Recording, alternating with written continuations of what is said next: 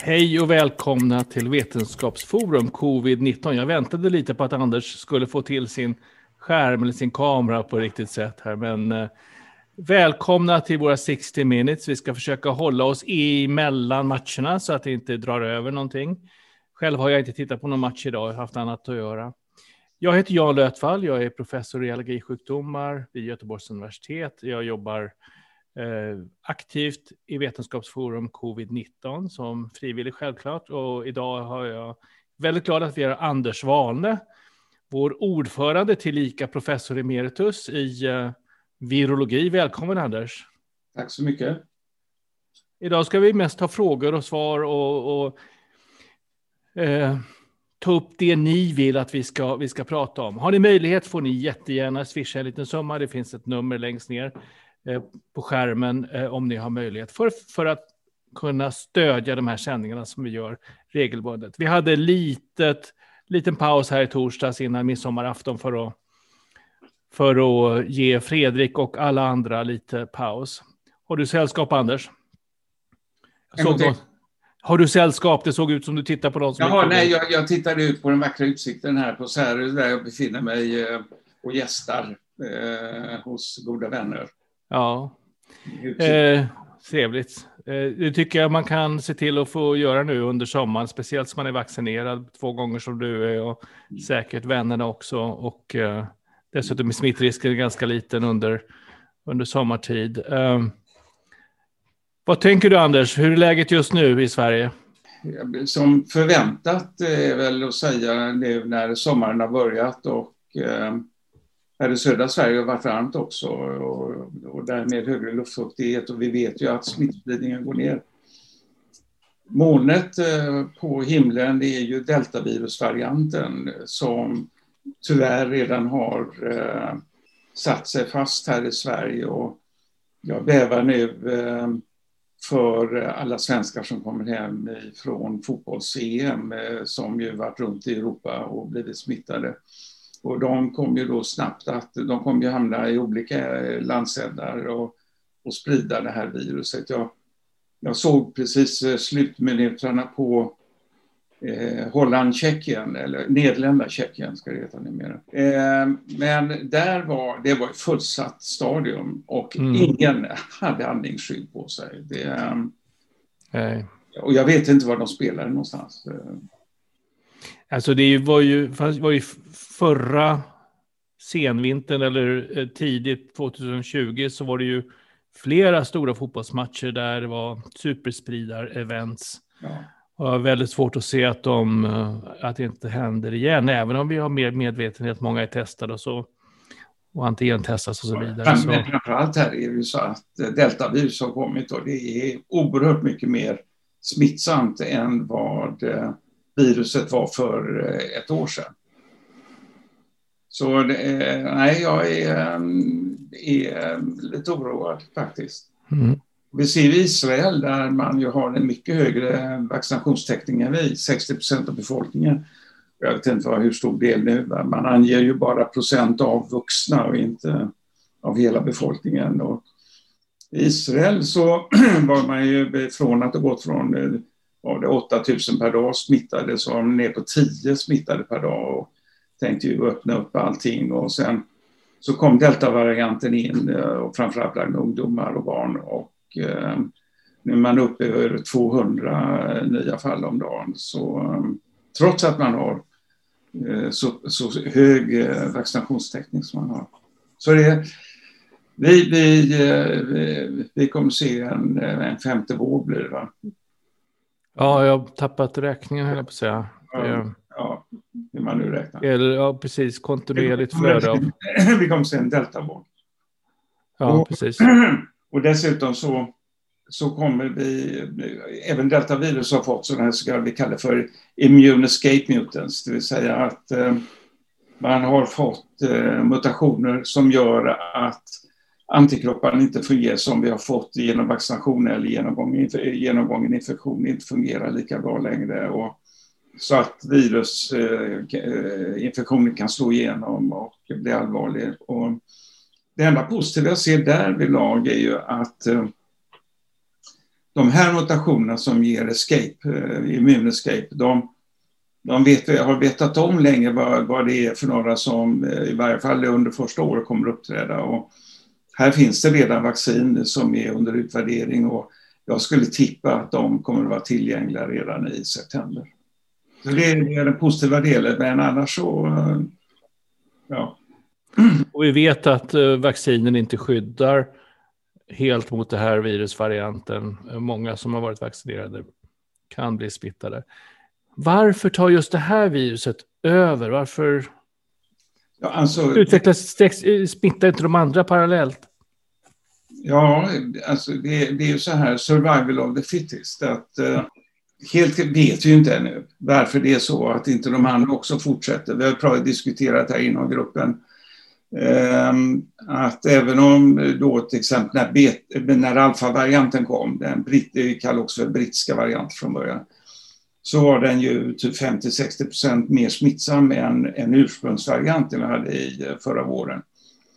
I Sverige så kom den ju bara på ett par veckor att gå från i stort sett ingenting till att bli 90 procent av alla nya fall var den brittiska varianten. Och då frågar man sig varför fick vi inte väldigt mycket av den gamla varianten också, för det var ju eh, låg, eh, var få som var vaccinerade, eller inga vaccinerade då i början av januari. Och, mm.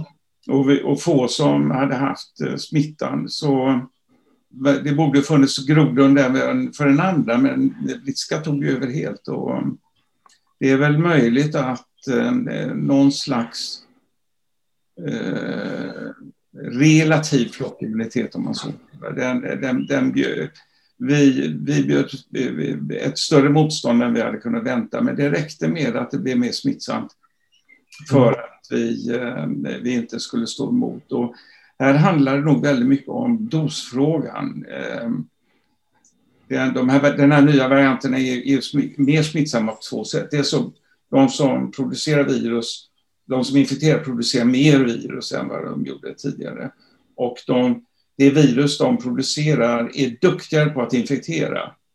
Så vi som inte infekterar vi blir mer mottagliga. Och, eh, så det är en slags lose, situation. Och, eh, det är, men exakt hur det där fungerar och, och matematiskt eh, vågar jag inte ens ge mig in på. Men, men vi, vi, ser ju resultatet, att det tagit över. Och nu så kommer den här nya deltavarianten. Och den är ju en anpassning av virus. Virus har blivit, blir mer och mer smittsamt. Det är, eh, och jag kan ha en längre utläggning om varför det blir på det sättet, men det skulle nog ta hela timmen. Mm. Men utan, bara, utan de här mutationerna som uppträder, de kommer uppträda för att bli mer smittsamma.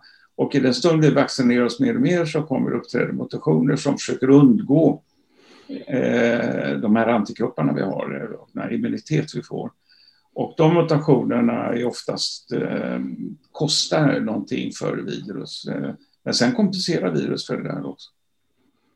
Ja, attans. Eh, man kan väl säga så också att om en individ fick alfavarianten och deltavarianten samtidigt så skulle deltavarianten ta över i kroppen? Är, är det en, en logisk... Ja det, ja, det, skulle den göra. Och det, den individen skulle smitta vidare deltavarianten. Det, det vågar Ja, precis. Så att den växer fortare i kroppen, sprider sig fortare in i kroppen. Uh... Hur ska man hindra det här? Ja, alltså grejen är att vi visste, Eh, man hade gjort på, eh, i laboratorieförsök redan eh, förra året där man blandar virus och serum ifrån de som hade blivit, som har genomgått infektionen.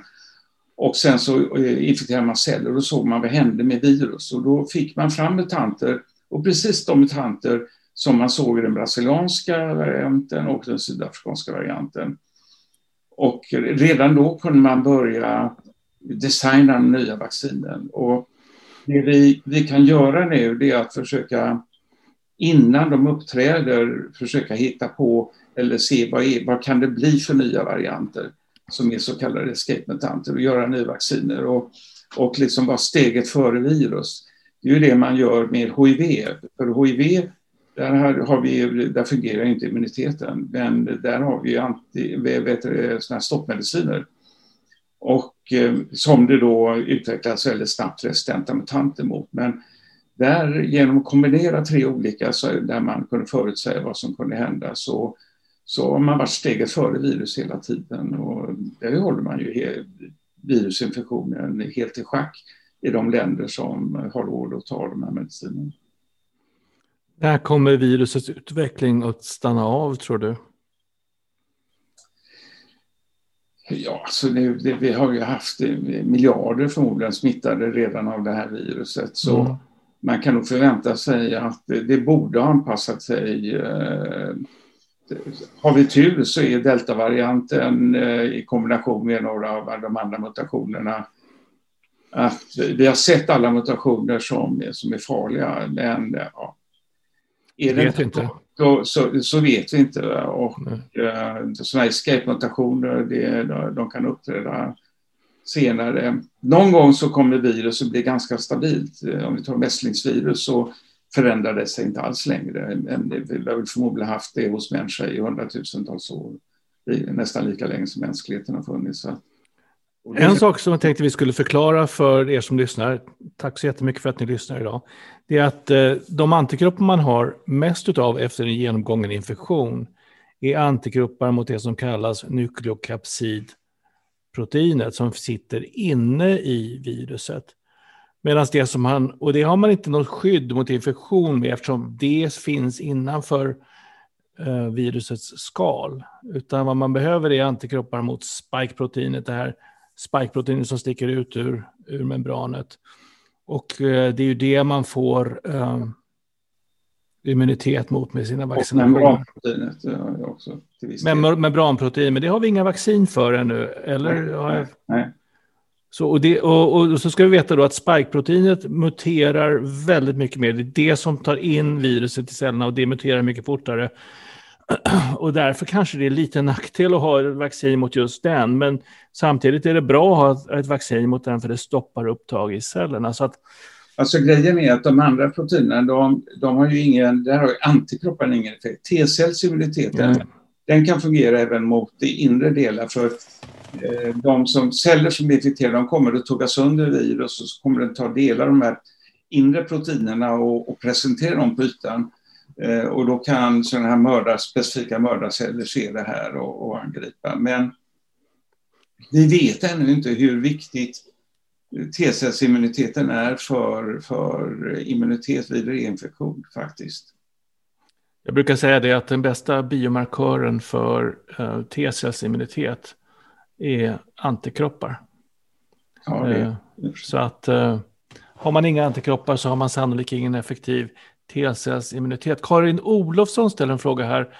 Om varianterna eh, som kommer nu på covid är betydligt mer smittsamma, ska man ändra sig från FFP2 till FFP3? Det är sådana specifika frågor som jag tycker är svåra att svara på, Anders, men have a go. FFP2 uppenbarligen har hittills fungerat rätt väl, eh, eller väldigt väl. Mycket bättre än eh, vanliga, de här vanliga munskydden som eller det jag kallar munskydd, jag ska kalla allting för andningsskydd. Men, ja, akta dig, Christer Forsberg kommer nästa fråga från. Så det har... ja, men, men man kan kalla de här så kallade kirurgiska munskydden, de här enkla som man fäster runt öronen, som är blå, eh, eh, som man kan köpa en stor pack med hundra stycken eh, ganska billigt på apoteket. De, de läcker ju ganska mycket eh, och det, det är klart att bättre än ingenting definitivt. Men de här FFP2 så de, de håller ju bättre tätt och, och själv tycker jag det är behagligare att bära ett FFP2. Eh, glasögonen immar inte igen när man bär dem på samma sätt och så vidare. De är lite dyrare men det är inte engångs, kom ihåg det. Jag använder mina flera gånger och, eh, så att eh, det här med att man inte får pilla på munskydden eller andningsskydden och alltihopa där, det är ju mer eller mindre nys. Det, för, för varje fall vad det gäller covid. Där skulle vi prata tuberkulos eller annat sånt där. Det, det... det var andra saker. Eh, Christer Forsberg ställer en liten klurig fråga här. Är koncentrationen deltavirus högre i aerosoler jämfört med alfavirus? Eh, det vill säga, kommer det ut fler viruspartiklar från en patient med deltavariant än alfavariant? Jag har inte sett någon vetenskapsstudie på det. Jag vet det är gjort på alfa-varianter mot tidiga varianter och mm. där kommer det definitivt ut mycket, mycket mer virus. Eh, om, eh, så jag, jag, kan inte svara eh, på den frågan ännu. och, Eh, jag väntar på att det kommer eh, vetenskapliga studier där man tittat, eh, där man infekterar celler och ser hur mycket som produceras. Men det gäller definitivt från alfa, mellan alfa-varianten och tidigare. Och, ehm, en, min gissning är att det kommer ut mer virus. Ja. Så det är ju, som du sa i början, det är två sätt som viruset kan öka öka spridningen via och det är ökad mängd utsöndring av virus. Och sen att viruset sen binder in i kroppen och orsakar infektion mer effektivt. Genom att spikeproteinet binder mer effektivt mot cellerna. Som, som, så att eh, sannolikt eh, Sannolikt har, har Christer rätt. Nu kommer det så mycket frågor här så jag får scrolla tillbaka. Tack Fredrik för att du föder oss med, med frågor från chatten. Jag berättar medan du läser frågorna. Kan jag, ja. jag hörde här att många frågade vad, vad hände på presskonferensen i torsdags? Ja, ta det. När jag, när jag ställde frågor. Och, eh, jag, eh, en av er eh, som heter Svante skickade till mig Eh, Youtube-klipp eh, på min, eh, när jag ställde frågan. Så man, man kommer ju inte ihåg själv annars direkt. Va? Men jag blev avbruten efter tio sekunder av eh, hon som höll i presskonferensen, den här tjejen. Det brukar ju annars vara, heter han Christiansson som är presschef på Folkhälsomyndigheten, men nu var det hans kvinnliga eh, ersättare. Har vi Anders? Hörs jag? Ja, du hörs. Varsågod. Ja. Anders Svahne, Vetenskapsforum covid-19. Jag ska prata lite om deltavirus och spridning. Och, ställa eh, frågor, varsågod. Ja, just det, ställa frågor. Sen så dröjde det tydligen 40 sekunder så avbröt eh, Anders Tegnell mig. Och då eh, är det ju så att vi har nu en massa eh, fotbollstittare i, i Ryssland och eh, där... Vi måste nog få frågan lite snabbare för det är väldigt många som ska fråga. Ja, det, det, det har varit många, många frågeställare som har pratat, haft preludier som varit längre än det här, det kan jag lova. Så jag, jag måste ju kunna ge bakgrunden. Och så har det många som ska ställa frågor här och det visade sig att det var en till som ställde frågor. Och, och, och, det var gott om tid kan man väl lugnt säga. Men jag fick ju ställa mig en fråga men sen svar och eh, blev jag avbruten ytterligare en gång men så fick jag slut ställa en fråga. Och Tegnell svarade aldrig på frågan utan eh, svarade vid sidan av lite grann om att man visste vad man skulle göra när, eh, när Eh, Eh, de kom hemifrån ifrån eh, Ryssland, de som har sett på fotbollen. Eh, och då vill jag säga, komma med följdfråga, nämligen om man kunde svara på frågan, men de, de sa direkt då att ja, nu kommer nästa, nu går vi, till, går vi vidare. Håller sig hemma och ser till att testa sig så att vi inte får in onödigt mycket av deltaviruset från den gruppen som nu har varit i Ryssland. Då säger vi varsågod till Sydsvenskan. Tack Daniel Rydén på Sydsvenskan här. Jag har en fråga till Anders Tegnell om Sminet-problemet. Men de hann inte muta mig så jag, jag kom ju in där lite snabbt och, och försökte säga då men eh, kan inte svara på frågan. Och, eh, men då mutade de mig. Så jag såg, jag, man ser ju själv det som ett Zoom-möte, så man, man man ser ju alla som ställer frågor och eh, eh, sen försvinner de igen. Det var bara jag och en till kvar. Jag, jag kunde ju se mig själv hur, hur munnen rörde sig men det kom inte ut någonting från i, i, eh, i eten av eh, det jag sa. Så nej, det, det. Oproffsigt av... Ja, det är väldigt oproffsigt. Jag förstår inte att att, eh, att de inte vill ta en diskussion. Ja, men vad är presskonferenserna till, eh, till för? Det är, det är väl bara att de går ut med vad de vill ha sagt och sen så om man inte får ställa frågor och ifrågasätta så, så är det meningslöst med en presskonferens. Ja, eh, ja, jag trodde från början inte att det skulle bli, bli, släppas in, men det är svårt att säga stopp, säga nej till oss när vi publicerar så mycket och du har press lägg och annat. Ja, det, ja vi fick ju, eh, Lena Einhorn och jag har ju eh, blivit medlemmar i Journalistförbundet för att kunna få lov att ställa frågor. Och, men vi, vi kom ju alltid sist eller näst sist. Och ehm, så, så eh, SVT och TV4 har ju slutat sända då, men på Aftonbladet och Expressen eller DN så, så kan, man, kan man om man är intresserad se det under längre tid. Louise Persson frågar om, eh, och det här är en lite knepig fråga som jag inte kan svara på, men symptomkombinationer av diarré, feber och förvirring, synproblem och luktbortfall. Luktbortfall är ju klassiskt för, för mm. covid-19, men utan luftvägsproblem. Eh, finns det något annat virus än covid-19 som kan orsaka dem, den, de symptomkombinationen? Det där är riktigt klurigt, Louise, så att eh, Alltså, många av de här um, symptomen är ju avhängiga av varandra. Eh, mm. får man svårare diarréer så, och hög feber så blir man ju förvirrad och, och så vidare. Och så vidare. Det, eh, många av de här virusinfektionerna som vi har och får går egentligen inte att ställa kliniskt utan man måste ta prov eh, och så skicka in proverna till viruslaboratorierna som får avgöra vilket virus det är. Vi har, vi har några få virus där man inte behöver det. En sån är vattkoppor till exempel. Det, det går att säga direkt eh, att det är vattkoppor. Och mm. Dessutom när det reaktiverar och blir bältros så kan man säga det också genom att bara titta på, på patienten. Och sen är det klart att eh, olika virus eh, har mer eller mindre eh, vissa symptom. Men det, det avgör man egentligen på laboratoriet. Och väldigt många virus kan ge väldigt många olika typer av symptom hos olika människor. Så att ehm, visst, vilket som skulle kunna göra det. Det finns en radda virus som skulle kunna ge just de här bekymren du, du ställde frågan om. Så, Tidigare coronavirus hade kunnat gjort det, MERS och ja. SARS-1 och så till exempel. Uh, framtida coronavirus. Lotta Högrelius frågar här om vaccin på barn och astma. Framförallt om astma är en riskfaktor. Hur ska föräldrar kunna ta rätt beslut vad gäller är astma en riskfaktor eller inte?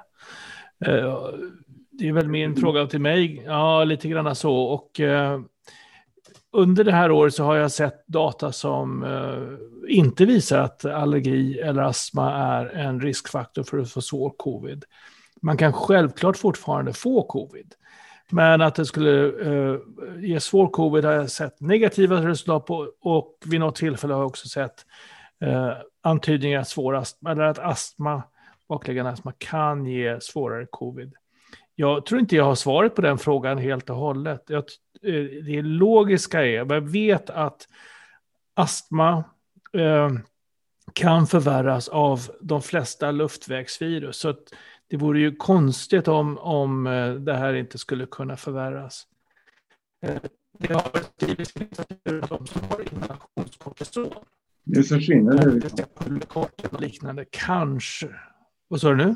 Det, det, det, det försvann. Det blev staccato. Du fryser. Jaha, är det jag som har... Eh, jag har en, en dator som het, hettar upp lite grann. Så jag måste nästan stänga av videon här sådär. Men eh, jag, jag provar på att svara frågan och sen stänga av videon en stund. Eh, jag stänger av videon med en gång. Jo, det finns studier som visar både eh, på, på att astmatiker blir sämre och de som inte blir sämre. Och det har också diskuterats om inhalationskortison kanske kan minska risken för, eh, eh för svår, svår covid. Och just astmapatienter har ju ofta den behandlingen. Så det kan finnas sådana såna förklaringar. Ja, alltså många, Tord Eriksson ställer en bra fråga här och många har sagt, eh, eh inte alla tror jag Tord, men, eh, men alla inklusive Björn Olsen, att virus skulle bli mindre farligt för varje genmutation så att det sprids bättre, att folk blir, håller sig friskare och eh, betyder detta att ett, utvecklingen av den här pandemin och de här virusvarianterna har avvikt från det förväntade mönstret, Anders? Alltså, eh, att det skulle bli snällare, det, eh, jag, har hört också många andra virologprofessorer och, och säga det här att eh, det ligger ju inte i virus eh, eh, intresse att eh, göra eh, de infektionsvärdarna eh, sjuka. Men å andra sidan så är det tyvärr så här att eh, detta virus sprids eh, som mest och produceras som mest innan vi blir sjuka. Och eh, därför så eh, sprids det vidare eh, innan man blir svårt sjuk och, och eventuellt dör. Så det spelar ingen roll för virus att det är elakt. Till skillnad då från sars 1 som smittade som, som mest en, eh, fem, sex dagar efter eh, man blev sjuk och började bli sjuk. Och, Ehm, och skulle egentligen smitta som bäst när man, man kanske dör. Och eh, då är klart så var det, eh, var det bra för virus att bli snällare. Men här finns det inte det. Och ta ett virus som vi har haft nu, eh, som jag sa tidigare, 100 000 års människa, mässling.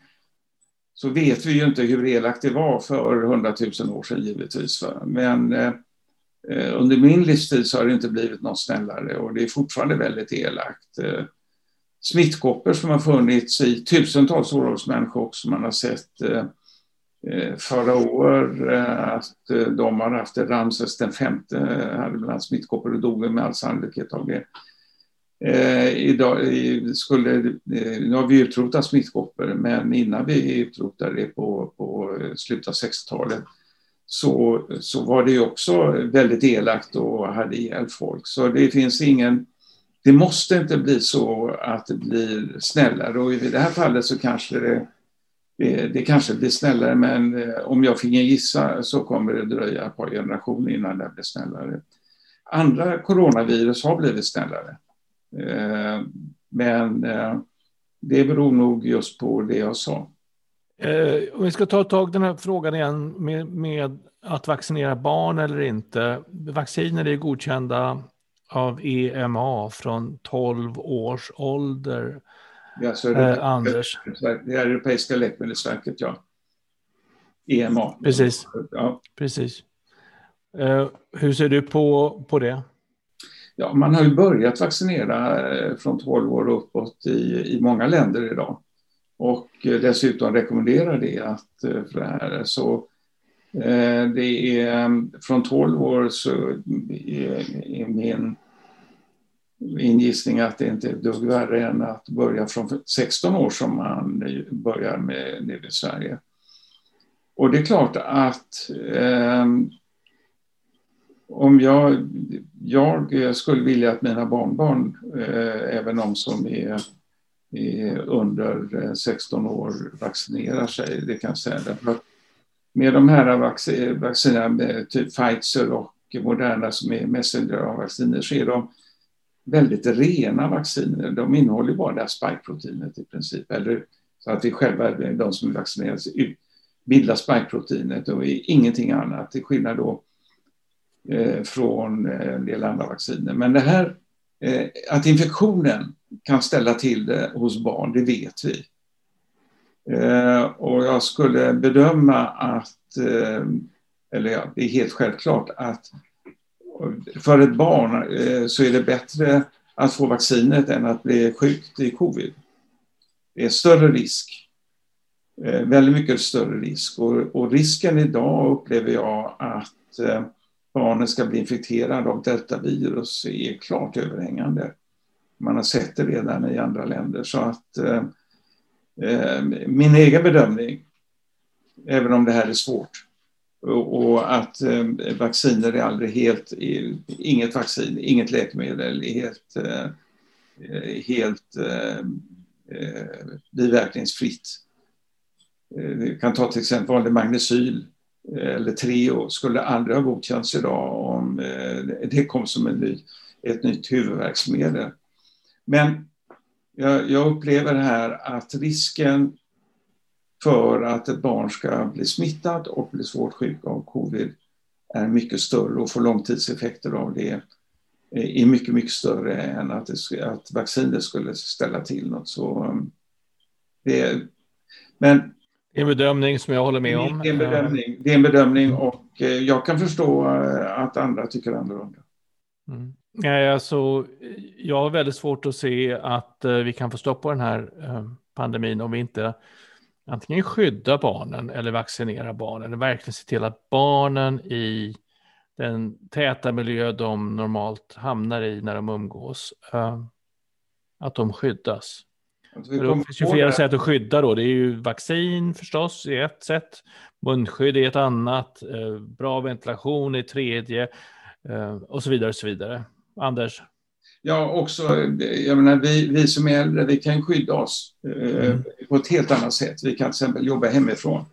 Mm. Eh, men det får ju enligt lag inte barn göra. Eh, med mindre än att det blir påbud eh, uppifrån. Och, eh, eh, Eh, så här tvingas ju barnen gå i, till en miljö där de kan smittas. Och de smittas. Det är tyvärr det med deltavirus som är så oändligt mycket mer eh, smittsamt. Och jag ska inte måla fram på vägen, men jag läste en, eh, en, en artikel från australisk tidskrift där man sa, där de politiker har sagt att från att man för, för att bli smittad så var man tvungen att sitta i samma rum som en person kanske i 30 minuter. Idag så räcker det med 15 sekunder. Ja, det, det, finns ingen vetenskaplig studie på detta. Så, och det var inte jag som sa det. Men, Nej, men de stängde Sydney. Men, men det illustrerar lite grann hur, hur man upplever den nya deltavarianten, att den är förfärligt mycket mer smittsam i situationer som det gamla inte alls var smittsamt. Jag tycker också att vi skulle införa väldigt mycket, väldigt mycket mer testning med snabbtester, antigentester till exempel, även i skolor. Och då, visst, man kanske kan eh, testa varje barn för sig, men man skulle också kunna tänka sig att med salivtest till exempel, testa grupper av barn, så man har saliv från fem barn och så gör man ett test på dem. Och så ser man, ser man, en, ser man något positivt så får de fem barnen då självklart isoleras eller separat och så testar man dem separat. Eh, samma sak på arbetsplatser. att eh, Varför ska man inte ta ett, ett antigentest två gånger i veckan eller kanske med deltavarianten fem gånger i veckan om man är på sin arbetsplats och testa sig med en gång på morgonen och sen se inom 15 minuter om det finns någon risk för att de har, har, eh, har bär på viruset. Eh, jag har köpt en, en låda sådana test och gjort testade barnen nu innan de kom och hälsade på över midsommar. Jag tycker det är det är en sån enkel åtgärd och billig. Och köper man många tester så är det inte många tior som varje test kostar. Nej, och på arbetsplatser skulle det kosta ännu mindre. Eh, smittan kostar ju förfärligt mycket mer förstås. Och då, då, då, då, kommer väldigt ofta invändningen att det finns falskt negativa och att PCR är mycket säkrare test. Ja, det är korrekt. Men mm. antigentesterna är väldigt säkra ändå, och så tillvida att att de är tillräckligt känsliga. Det jag ska säga. Visst, man kan få falskt, falskt negativa. Men är det falskt negativt och man ändå har lite virus som skulle upptäckts med PCR så är man med all sannolikhet inte smittsam. Jag kommer ihåg att med det gamla viruset så, så var ju en kraftig majoritet eh, som var smittade var smittade inte vidare. Därför att det krävdes eh, stora smittdoser för, för att föra, föra virus vidare. Nu krävs det mindre eh, mängder i och för sig, men fortfarande så är antigentesterna de blir bättre och bättre dessutom. Det är bra. Mm. Och sen kanske vi behöver förbättra det eller um, speciella tester för olika varianter. Jag såg att det hade nu kommit tester för olika varianter um, att köpa. Och det, det, går ju fort nu. Eh, de här produkterna kommer ut på marknaden eh, väldigt, väldigt, väldigt snabbt. Jag kan eh, säga någonting om tester också. Jag såg här nu att det finns bolag som, som marknadsför och, och säljer T-cellstester. Och det kostar 2000, 2000 eh, kronor där. Har man ett negativt antikroppstest så köp inte eh, ett T-cellstest för vi vet inte alls vad det är ett positivt sådant test. Det är, eh, om det är immunitet eller inte immunitet, det har vi ingen aning om. Nej, de är absolut inte validerade, visar ingenting vad det gäller immunologiskt skydd. Det är ett forskningsinstrument faktiskt. Vi använder det själva i labbet när vi utvecklar vaccin, bland annat mot covid-19. Så att eh, Eh, visst, visst är det bra, en, en, en bra teknik eh, att, att forska på, men det är ingenting som ger något värde. Eh, Alexandra Aki säger att hon var vaccinerad på Sabbatsbergs vaccinmottagning i häromdagen bara. Och så blev hon anmodad att, ta, eh, att sätta sig och vänta i 15 minuter, men att ha av, alla skulle ta av sig munskyddet då. Sitta i ett mindre fönsterlöst vänt, väntrum under den perioden. Eh, oavsett om det var första eller andra dos man fått. Är det lämpligt eller ens lagligt, undrar eh, Alexandra. Ja, det kan ju inte vara lämpligt. Eh... Ett är inte lämpligt. Två, ingen får säga till dig vad du bär för klädesplagg. Nej. Det är olagligt, skulle jag säga. Kränkande. Eh, jag förstår inte varför de inte hade vädrade rummet. Det det är direkt olämpligt att säga, sätta sig i ett ovädrat rum, eh, även med munskydd. Eh, och eh, är det första sprutan så har man ju inget skydd och är det andra sprutan så har man ju inte ett fullgott skydd. Så eh, det är direkt olämpligt och eh, usch. Monica Kahn ställer också en sån där svår fråga. Det, det finns ju som sagt väl över 100 000 studier om covid-19 som är publicerade och finns tillgängliga eh, i vetenskapliga litteratur. Här ställer Monica frågan om hjärtmuskelinflammation hos unga män efter dos 2 av Pfizer och Moderna. Eh, mitt svar är ju att det är utan tvekan en vanlig biverkan av covid-19, även hos unga individer. Jag har träffat unga individer i 30-årsåldern som har drabbats av detta. Men just vaccinbiverkan, Anders, har du eh, sett de rapporterna och kan kommentera vidare? Nej, jag kan inte, jag, jag kan inte kommentera om eh, direkt sånt där, men vad jag förstår så, så har det inte varit så allvarliga myokarditer, eh, alltså hjärtmuskelinflammationer eller, eller ehm, eh, hjärtsäcksinflammation som man också har sett. Eh, och, och därvidlag, eh, precis som jag sa, så kan man få det av infektionen. Och jag, jag, på att säga, jag får det hellre av vaccinet än infektionen, för då är det bara det jag får. På sätt.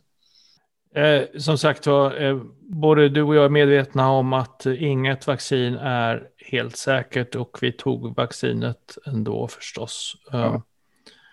För att vi vill skydda oss själva och vill skydda andra. Unga män, men även en sån.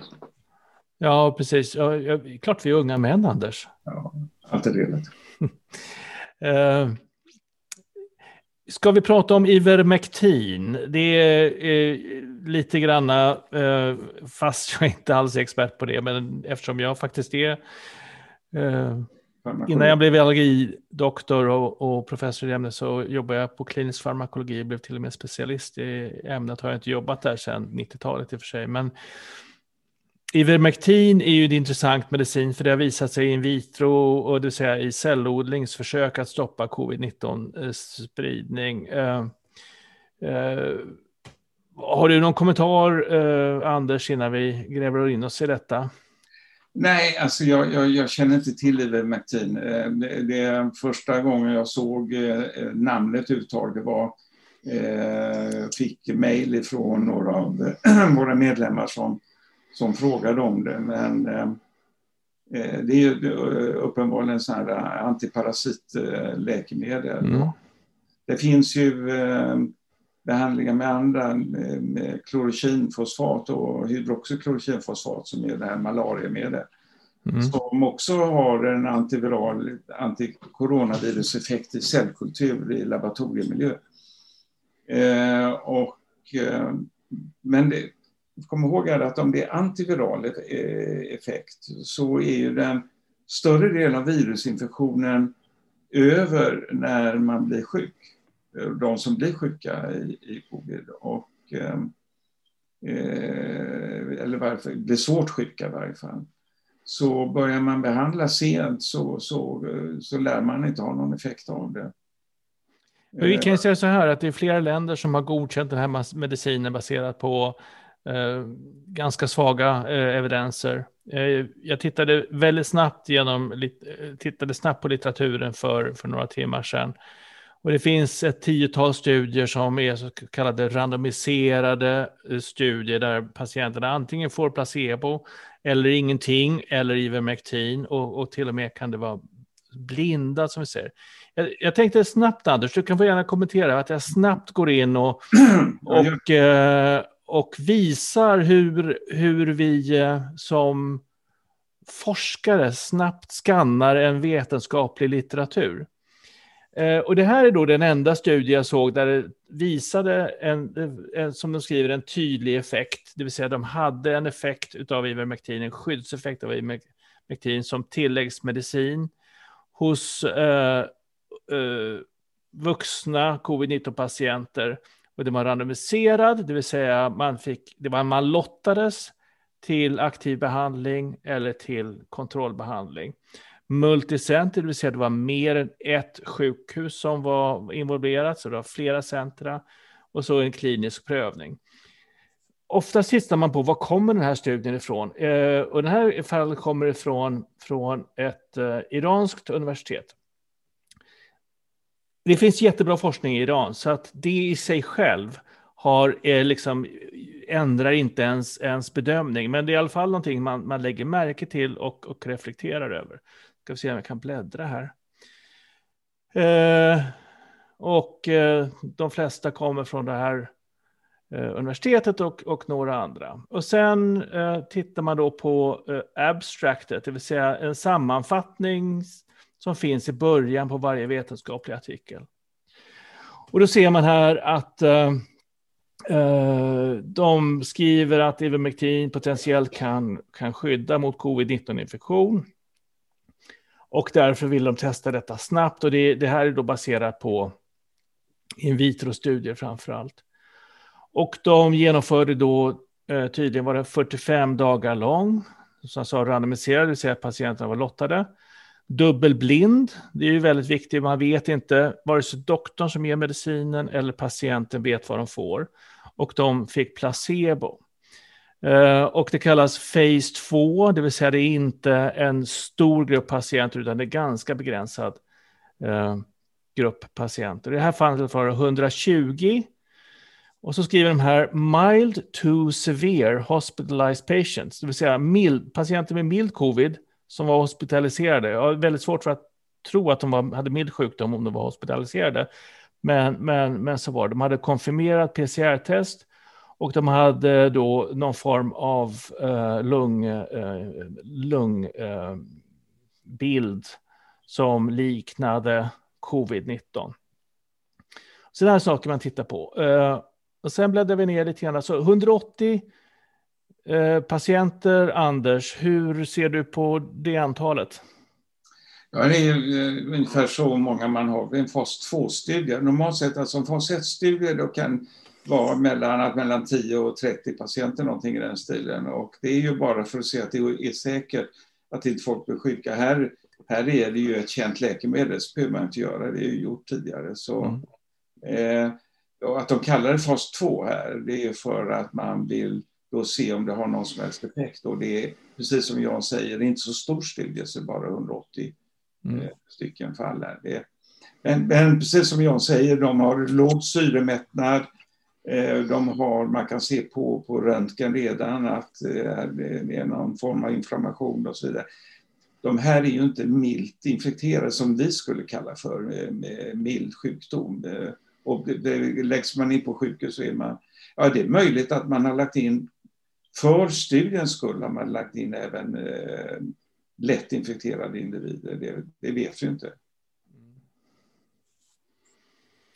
Uh, och uh, sen så beskriver de då resultaten, som jag ser det, väldigt, väldigt ytligt. Jag förstår inte riktigt de här resultaten. Gör du det, Anders? Ja, jag har inte läst studien. Men du har det på skärmen. Har du inte det på skärmen? Jo, jag läser. Jag, jag säger jag får läsa det nu här. Ja. ja.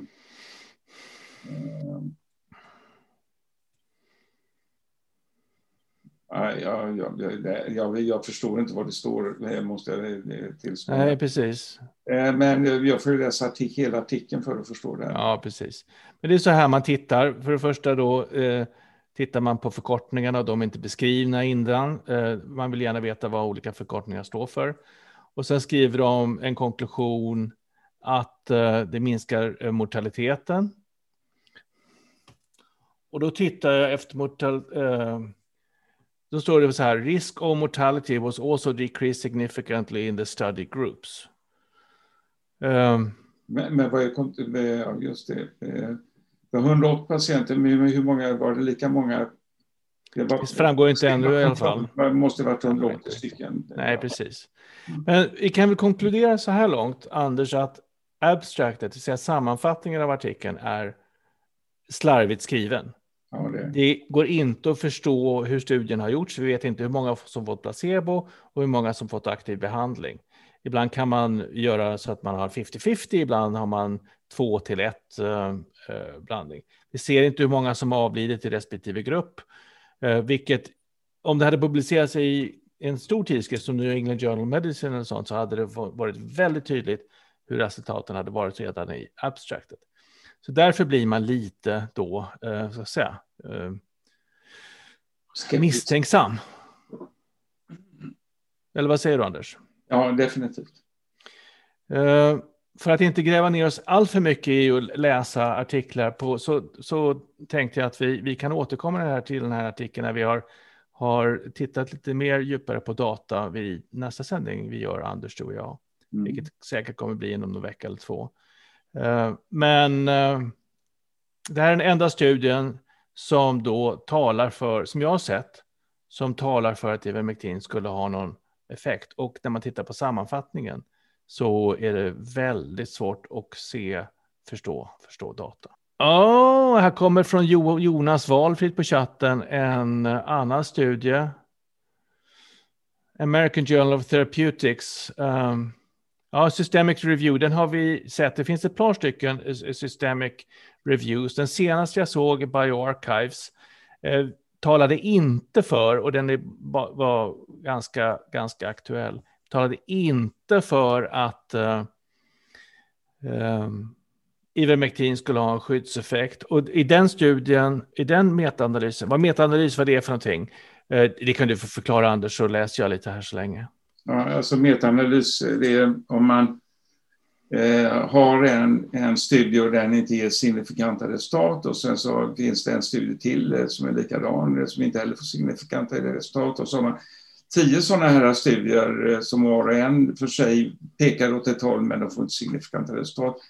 Så kan man ju då lägga ihop alla de här studierna och då får, kan man plötsligt få signifikans.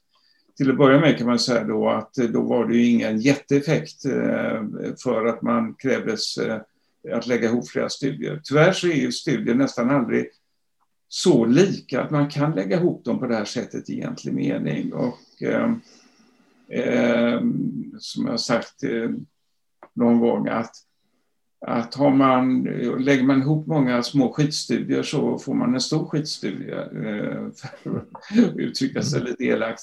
Men eh, man får vara väldigt skeptisk när man läser så kallade metaanalyser, Cochrane, eh, eh, så kallade Cochrane-studier och sånt där. Att, eh, eh är det verkligen, eh, blir det bättre för att man lägger ihop en massa? Och, och då måste de, eh, om man ska kunna göra det, måste varje studie vara välgjord i sig, men eh, inte tillräcklig för att kunna få en effekt. Och, Eh, dessutom så kan man väl eh, också säga att eh, när man startar studier så måste man med den hypotes man har och så här så ska man göra en bedömning av räcker antalet patienter vi gör den här studien på för att kunna säga om man får sin cancer eller inte. Eh, som man kallar för power. Och om man inte har, när man gör den analysen, om man inte får tillräckligt med patienter så ska man inte göra studien. Eh, och eh, uppenbarligen här så eh, för varje studie så har, så har man tagit i lite för lågt. Eh, och då får man eh, tvungen att lägga ihop det på sätt. Men man ska, man, ska vara, man ska vara väldigt försiktig när man bedömer metaanalysstudier. Och det finns sådana som tycker det är jättebra med det här, men eh, vi kan, väl säga så här Anders, att, att ja. både du och jag har, är öppna för att Ivermectin kanske har en, en effekt om, om det ges tillräckligt tidigt. Vi har inte sett studier ännu som övertygar oss.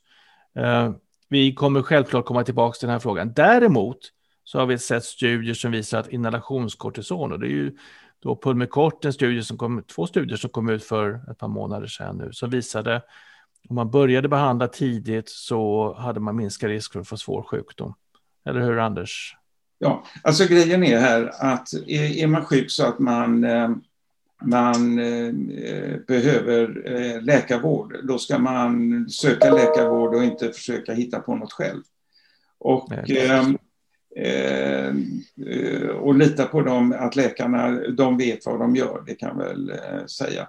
Men jag kan säga då ur profylaktisk synpunkt, alltså ur förebyggande synpunkt, så kan väl erkänna att jag själv förra våren tog eh, eh, hydroxyklorokinfosfat.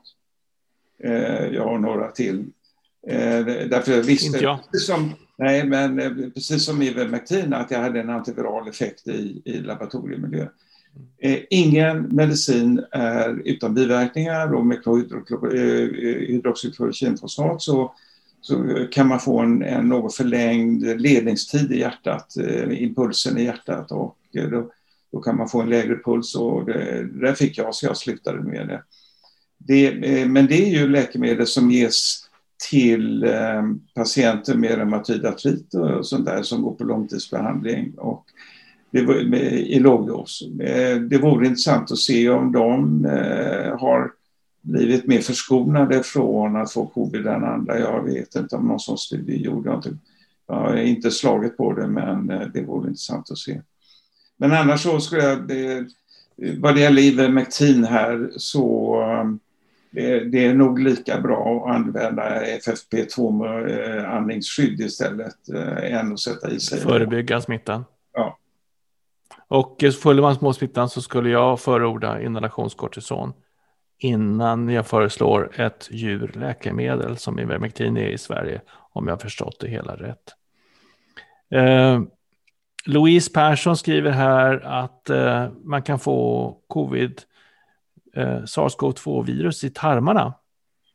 Mm. och man kanske inte blir lika sjuk då. Är, är det sant? Och eh, Ja, alltså det, det, det, med mindre än att man eh, stoppar upp det i tarmen så, så, så måste ju komma dit på något sätt. Och det kommer inte via magsäcken ner utan det kommer via blodet till tarmen. Och, eh, så, eh, Bryts ner, skulle det hamna i, i, det som hamnar i svalget det sväljs ju ner och det förstörs av magsyran i, ja, i, i magsäcken och av eh, de här proteinspjälkande enzymen i tolvfingerarmen och så vidare. Så, eh, så det, det, tar sig inte ner till, eh, till tjocktarmen eh, på det sättet. Men eh, vi vet att virus eh, kan spridas med blodet till tarmen och utsöndras i tarmen under lång tid.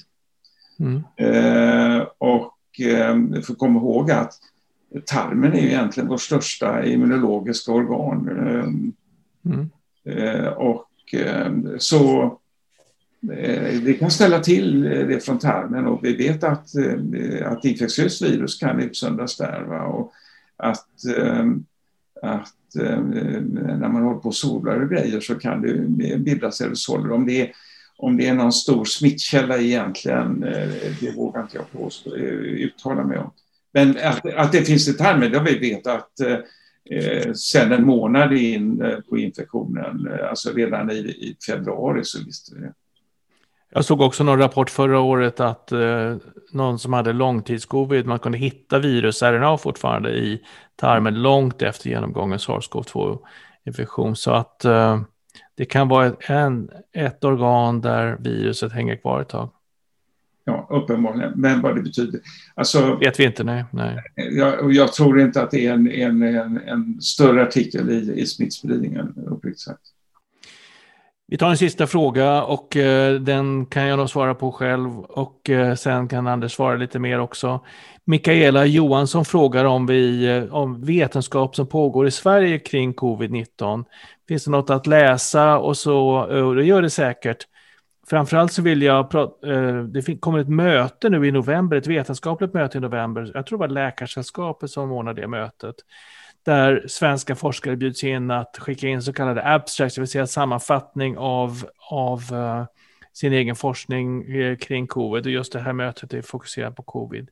Eh, mitt laboratorium kommer skicka in en ett abstract som det heter, ett, en sammanfattning, en, en kort beskrivning av vad vi gör angående vaccin. Så det ska bli spännande att se vilken mottagande det får. Anders, har du något att tillägga där? Nej, det, jag menar, det, det, det står ju förfärligt mycket tidningar och alltihopa. Så, just nu. Ja, men alltså, väldigt mycket. Det, läs internationella eh, tidningar. Läs The Guardian och The Times och mm.